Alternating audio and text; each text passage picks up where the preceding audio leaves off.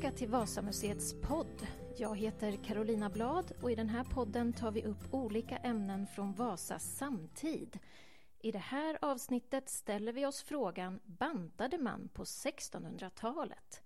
Till vår hjälp att söka svar har vi dagens gäst Magnus Westerbro, historiejournalist och författare. Välkommen! Tack så mycket! Du har bland annat skrivit artiklar på ämnet fetma ur ett idéhistoriskt perspektiv. Hur kommer det sig att du intresserar dig för det här?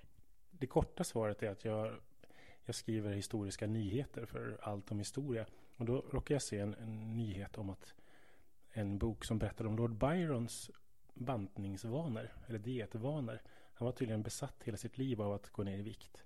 Det här var sent 1700-tal och tidigt 1800-tal. Och det där gjorde mig förvånad för jag tänkte att som människor gör mest att förr i tiden så var fetma ett tecken på status och att det var någonting man kunde skryta med.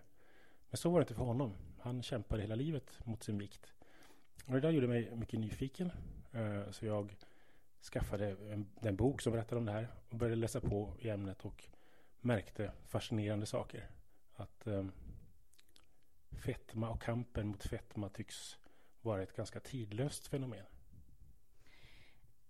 Om vi börjar i 1600-talet då, var fetma eller övervikt överhuvudtaget ett begrepp vid den här tiden? Fetma var det helt klart. Övervikt tror jag inte man sa, men man kanske sa att man var fyllig eller kraftig eller tung. Eh, man har ju en liten bild av att människor förr i tiden på 1600-talet ser man de här kungarna framför sig med stora kaggar och rejäla bukar som de liksom visar upp som om det var skatter. Eller så kanske man tänker på Rubens målningar av, av kvinnor som är ja, överviktiga med våra mått. Rejält fylliga i alla fall. Och så tänker man att så där var det säkert på 1600-talet. Att, att fetma var inte, inte var ett problem. Um, och lite ligger någonting i det. För det är uppenbart att det fanns i viss mån andra ideal. Uh, man kan inte ha en... Det är svårt att tänka sig en, en statschef idag som står och liksom skryter med hur tjock han är. Men samtidigt så var fetma ett uppenbart problem. Man ansåg det vara ett problem från läk läkarnas sida. Fetma var en, liksom en diagnos i stort sett.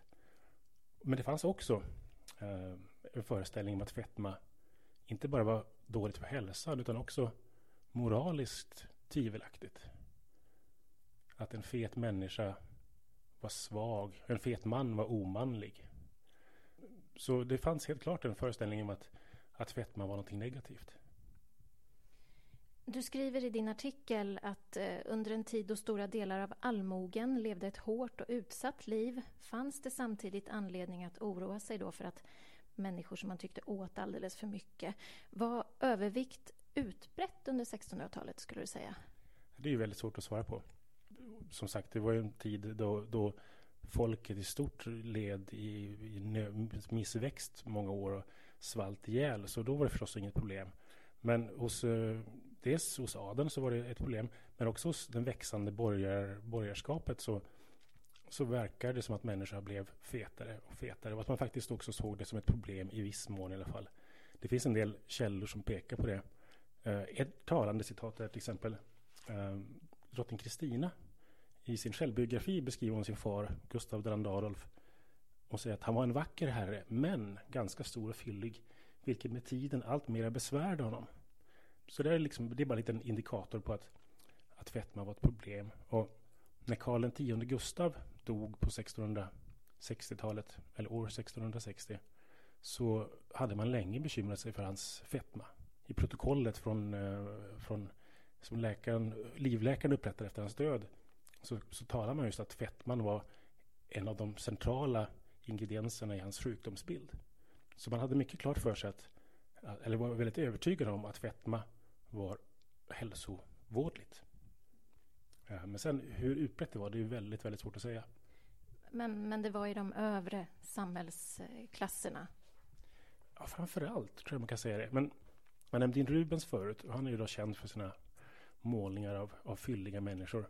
Men han var faktiskt själv väldigt kritisk till sin samtid. Han menar att borgerskapet i Holland, han bodde, det är alltså också 1600-tal, eh, att de var alldeles för förslappade. Han menar att folk förr i antiken, de var sunda och starka, atletiska.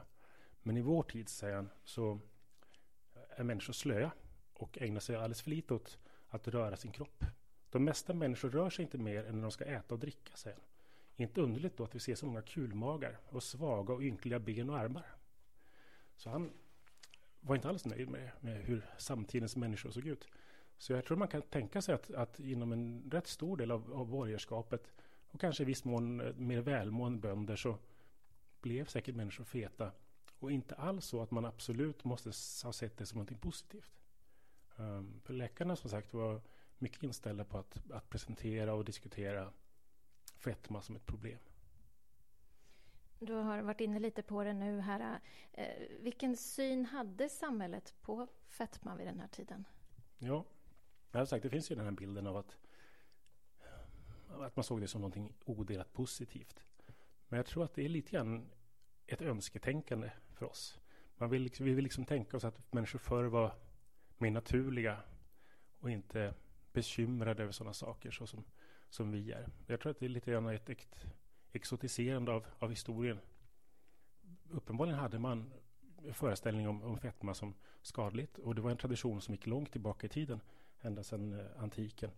Tydligast ser man det här på 1600-talet i, i eh, drottning Kristinas livläkare Andreas Sparmans bok Sundhetens spegel, där han beskriver hur, hur man ska leva för att ha ett sunt liv. Och då talar mycket om det att eh, att, att om man äter man för mycket så blir man sjuk. Många har, har ätit sig ihjäl, säger han. Men den som måttlig är, han lever desto längre. Och han liksom ger upp, drar upp regler för hur man ska förhålla sig till, till ätandet i, i den här tiden. Och eh, måttlighet och balans är återkommande. Så det fanns en, en väldigt tydlig eh, diskurs att fetma var ett problem. Och det kan man se på 1500-talet i England. En parlamentsledamot där som varnar för fetmans farsot som går över England. Och eh, han sa att fetma har dödat fler än någonsin krig och pest. Och det sa han alltså i en tid då England hade upplevt inbördeskrig och riktig pest.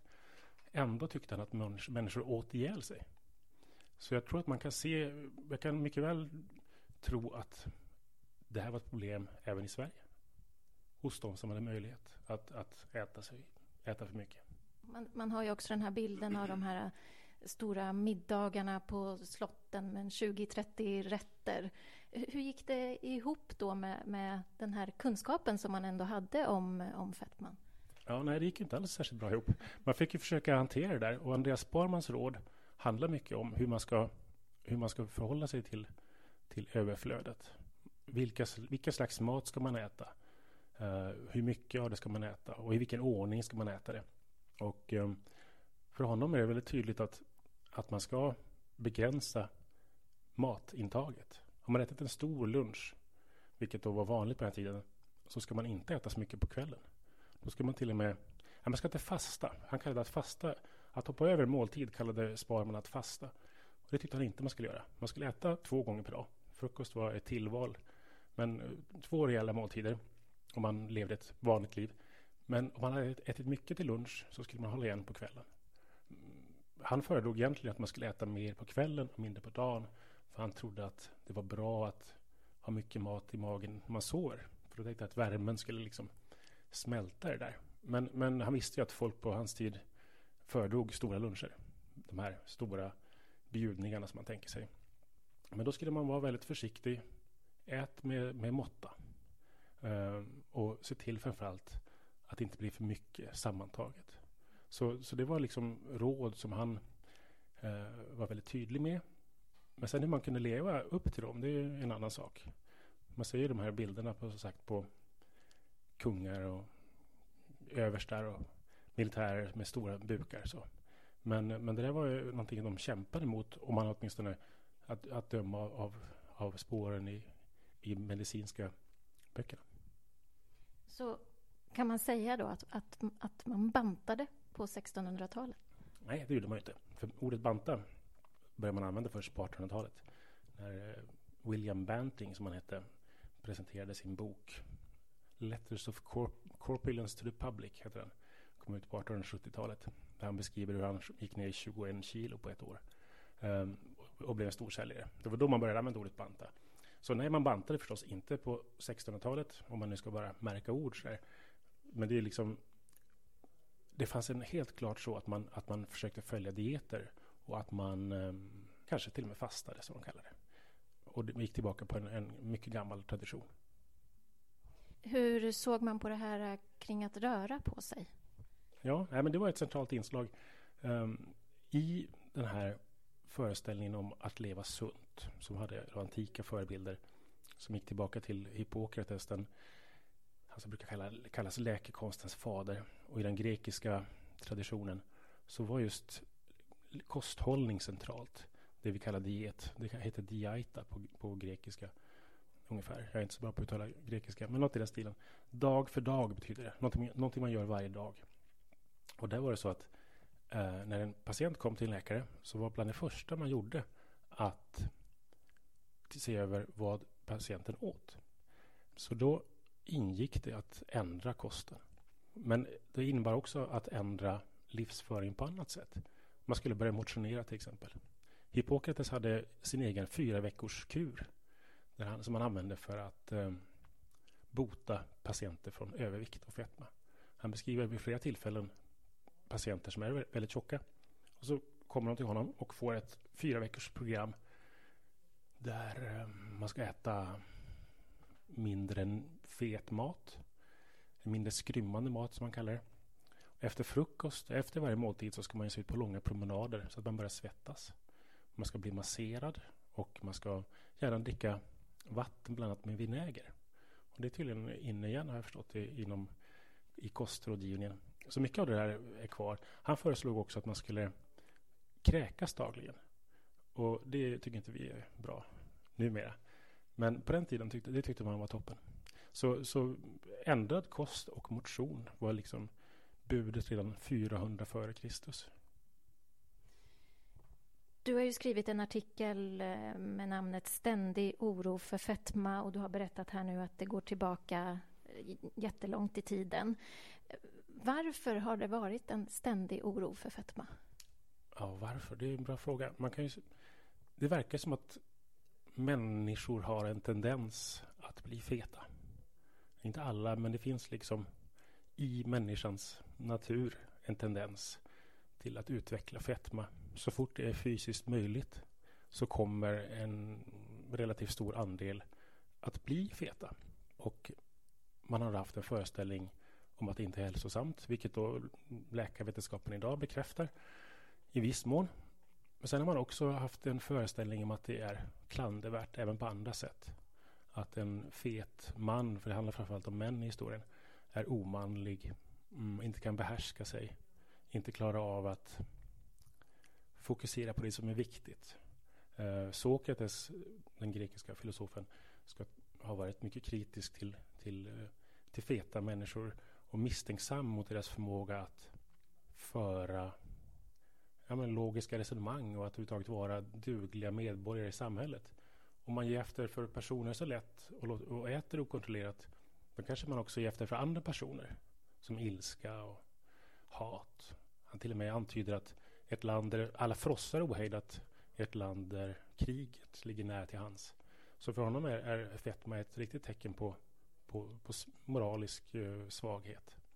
Och det här var en levande tradition man tänker på den stoiska eh, filosofin i antiken där man ska liksom stå emot alla passioner och inte låta sig svepas med av någonting. Där en fet stoiker känns inte som en särskilt gångbar kombination. Och den, så den, den traditionen var stark och fördes sedan vidare av kristendomen där man eh, såg såg frosseri som en av dödssynderna. Och det märkvärdiga med just frosseri är att om man frossar så blir man fet. Och då syns det att man har syndat. Så frosseriet är, den enda synden som faktiskt syns utifrån. Man kan se på en fet människa att han eller hon har syndat mot Guds bud. Personen har dyrkat världen mer än man ska. Så det där var liksom en, en central föreställning i, i, i tidig kristendom. Att man, man ägnar stort intresse åt frosseri som synd. Man hade en insikt om att, att frosseri och ja, att äta för mycket är någonting svårt att stå emot. Augustinus, den kyrkofadern eh, som blev frälst på äldre dagar, han hade levt syndfullt som ung. Han beskriver att frosseri är den svåraste synden att bli av med. För att man kan ju inte låta bli att äta en gång för alla. Otukten kunde han liksom en gång för alla bara vända sig ifrån och aldrig ens tänka på. Men äta måste man göra ändå. Och det gör att det är så svårt um, att, att stå emot den impulsen att börja frossa. Det tror jag är någonting alla som, som alla, alla som kämpar med viktproblem kan känna igen. Att man, hur bestämmer man än är en dag så kommer en dag snart igen när man är sugen. Det är en lång tradition av att se fetma som ett, ett, eh, inte bara fysiskt problem utan också ett moraliskt och andligt och i det här fallet då själsligt problem. Du sa att, att män som var överviktiga ansågs omanliga. Hur såg man på kvinnorna? Det säger källorna väldigt lite om. Det här har varit, ända fram till 1900-talet har i stort sett alla kostråd och alla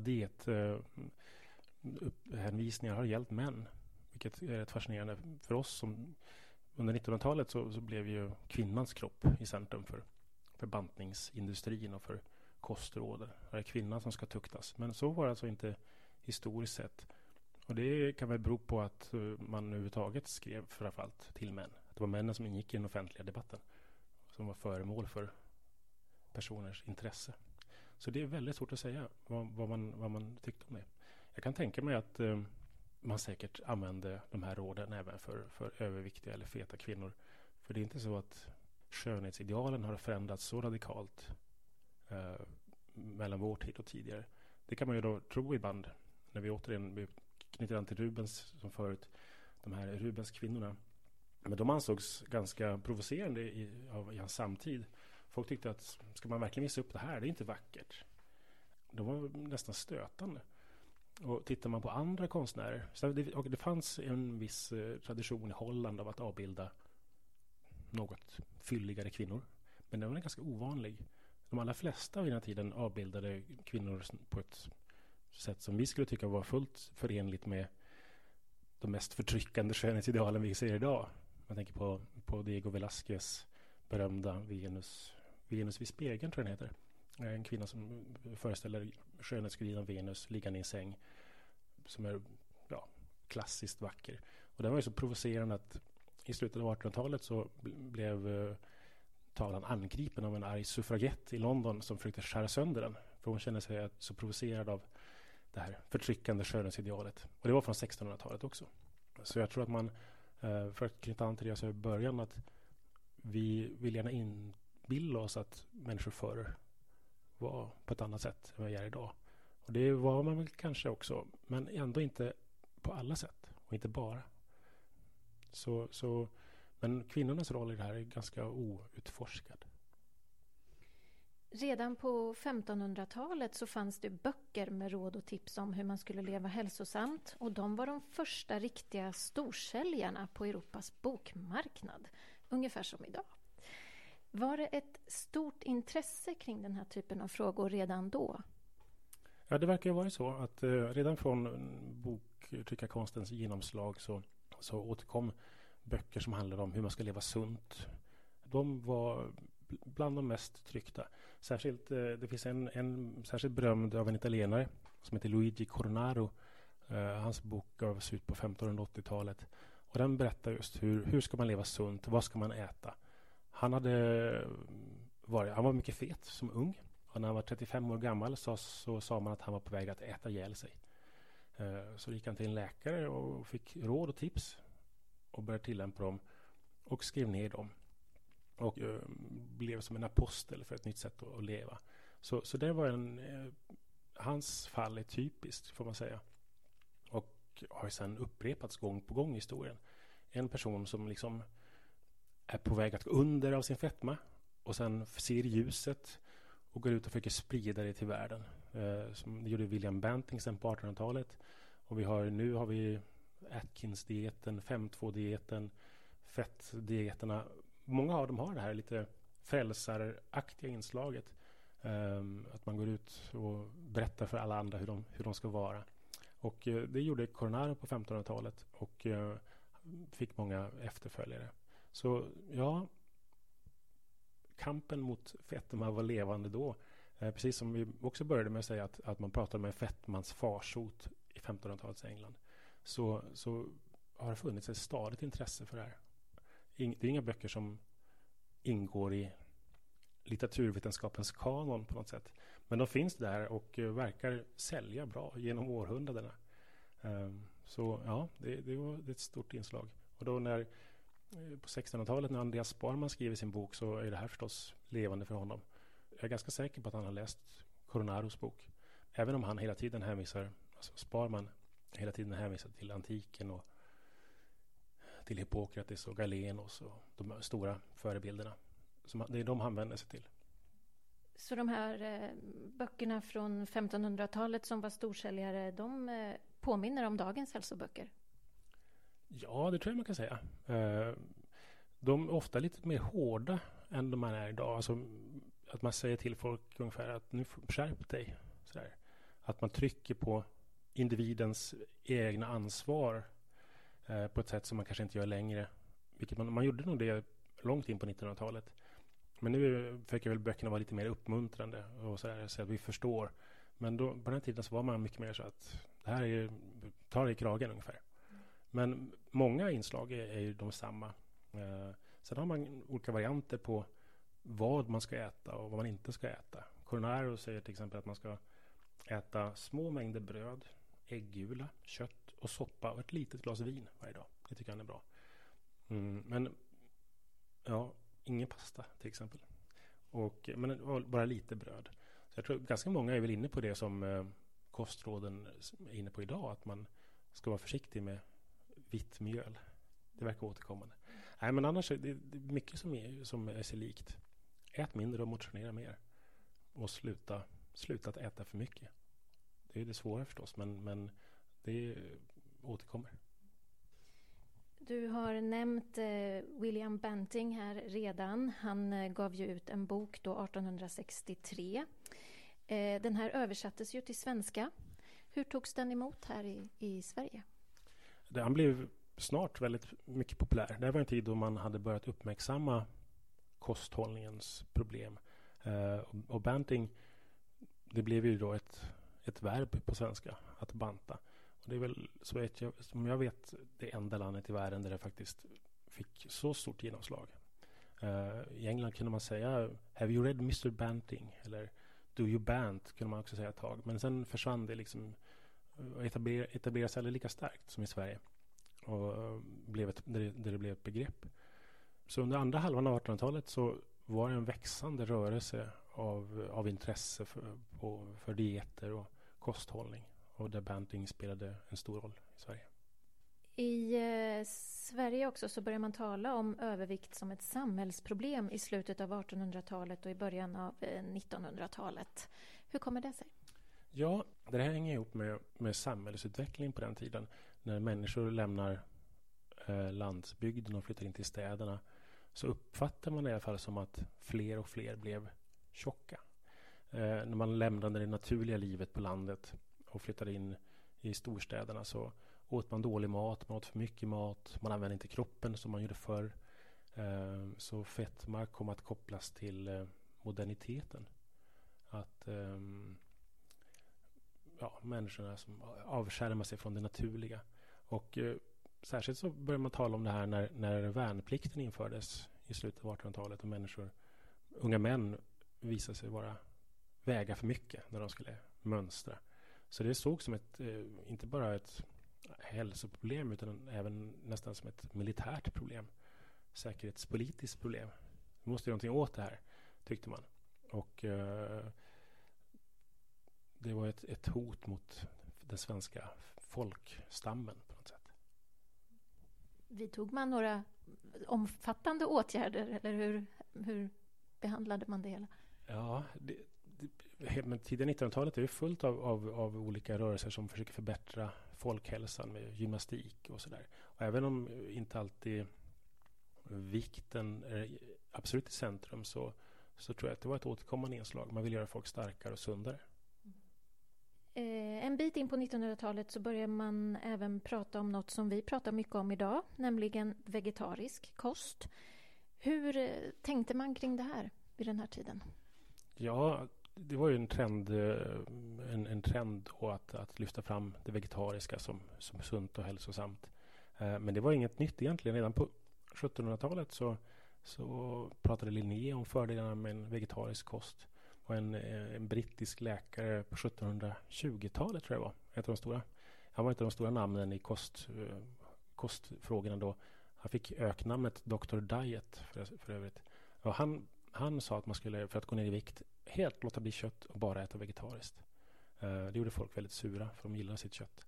Men det vegetariska inslaget det har funnits där som en, ett alternativ som ses som det sunda på många sätt.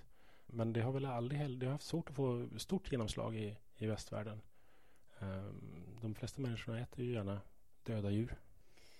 Eh, och om vi backar tillbaka till 1600-talet.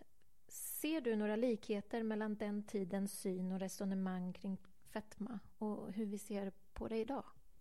Ja, det, det är väl som sagt, vid det här laget så är det väl uppenbart att, att jag ser en, en eh, ganska sammanhängande linje från den tiden fram till idag när det gäller just att man ser fetma som ett problem. Man kan säga så här att kostråden som läggs fram av till exempel Andreas Sparman som den tidens, eh, den som det berörde på 1600-talet skulle försöka leva efter. De var ju ganska svåra att leva upp till. För man hade så skilda ideal att leva efter. Å ena sidan hade man arvet från antiken som sa att man skulle leva sunt och, och eh, med måtta, med balans. Man skulle vara smal och vältränad. Eh, för att det var liksom ett tecken på en, en stark själ, en stark eh, ande. Och sen hade man det kristna arvet som talar om att frosseri var en synd. Så det, där vill man egentligen ha samma kropp fast av lite olika skäl.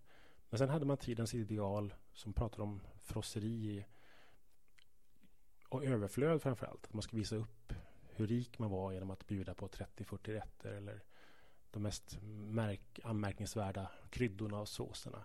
Så det var ju liksom en överflödskult och statusmarkör. Att då försöka hantera de här olika idealen måste ju vara väldigt svårt. Och det ser vi idag också. Hur vi, å ena sidan så ska vi vara sunda och leva länge. Eh, äta balanserad kost. Samtidigt så ska man njuta av livets goda och prova. Ena året är det tacos från grunden och nästa året så ska man baka efterrätter med äkta grädde. Och vi har ju då ett, ett utbud som överträffar allt annat. Och överträffar det som fanns på 1600-talet. Även om de rika då hade tillgång till absurda mängder råvaror från stora delar av världen. Så, så jag tycker att det finns stora likheter. Och den stora skillnaden är väl då att fettman har demokratiserats, om man säger så. Att nu är det möjlighet för, för väldigt många. Då var det möjlighet bara för ett begränsat antal. Hur menar du att det är en möjlighet för många idag?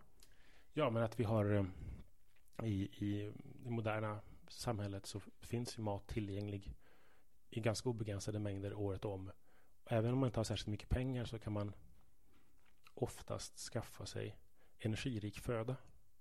Och ofta ju billigare den är desto sämre är den ur hälsosynpunkt. Så mm, och utbudet är enormt mycket större. Och vart man än vänder sig finns fet och sockerrik mat som bara lockar på, på, på köpare. Så tillgången är ju helt annorlunda för en stor del av befolkningen. Och då kommer också problemet med fetma nå allt fler. Det är en ganska logisk konsekvens.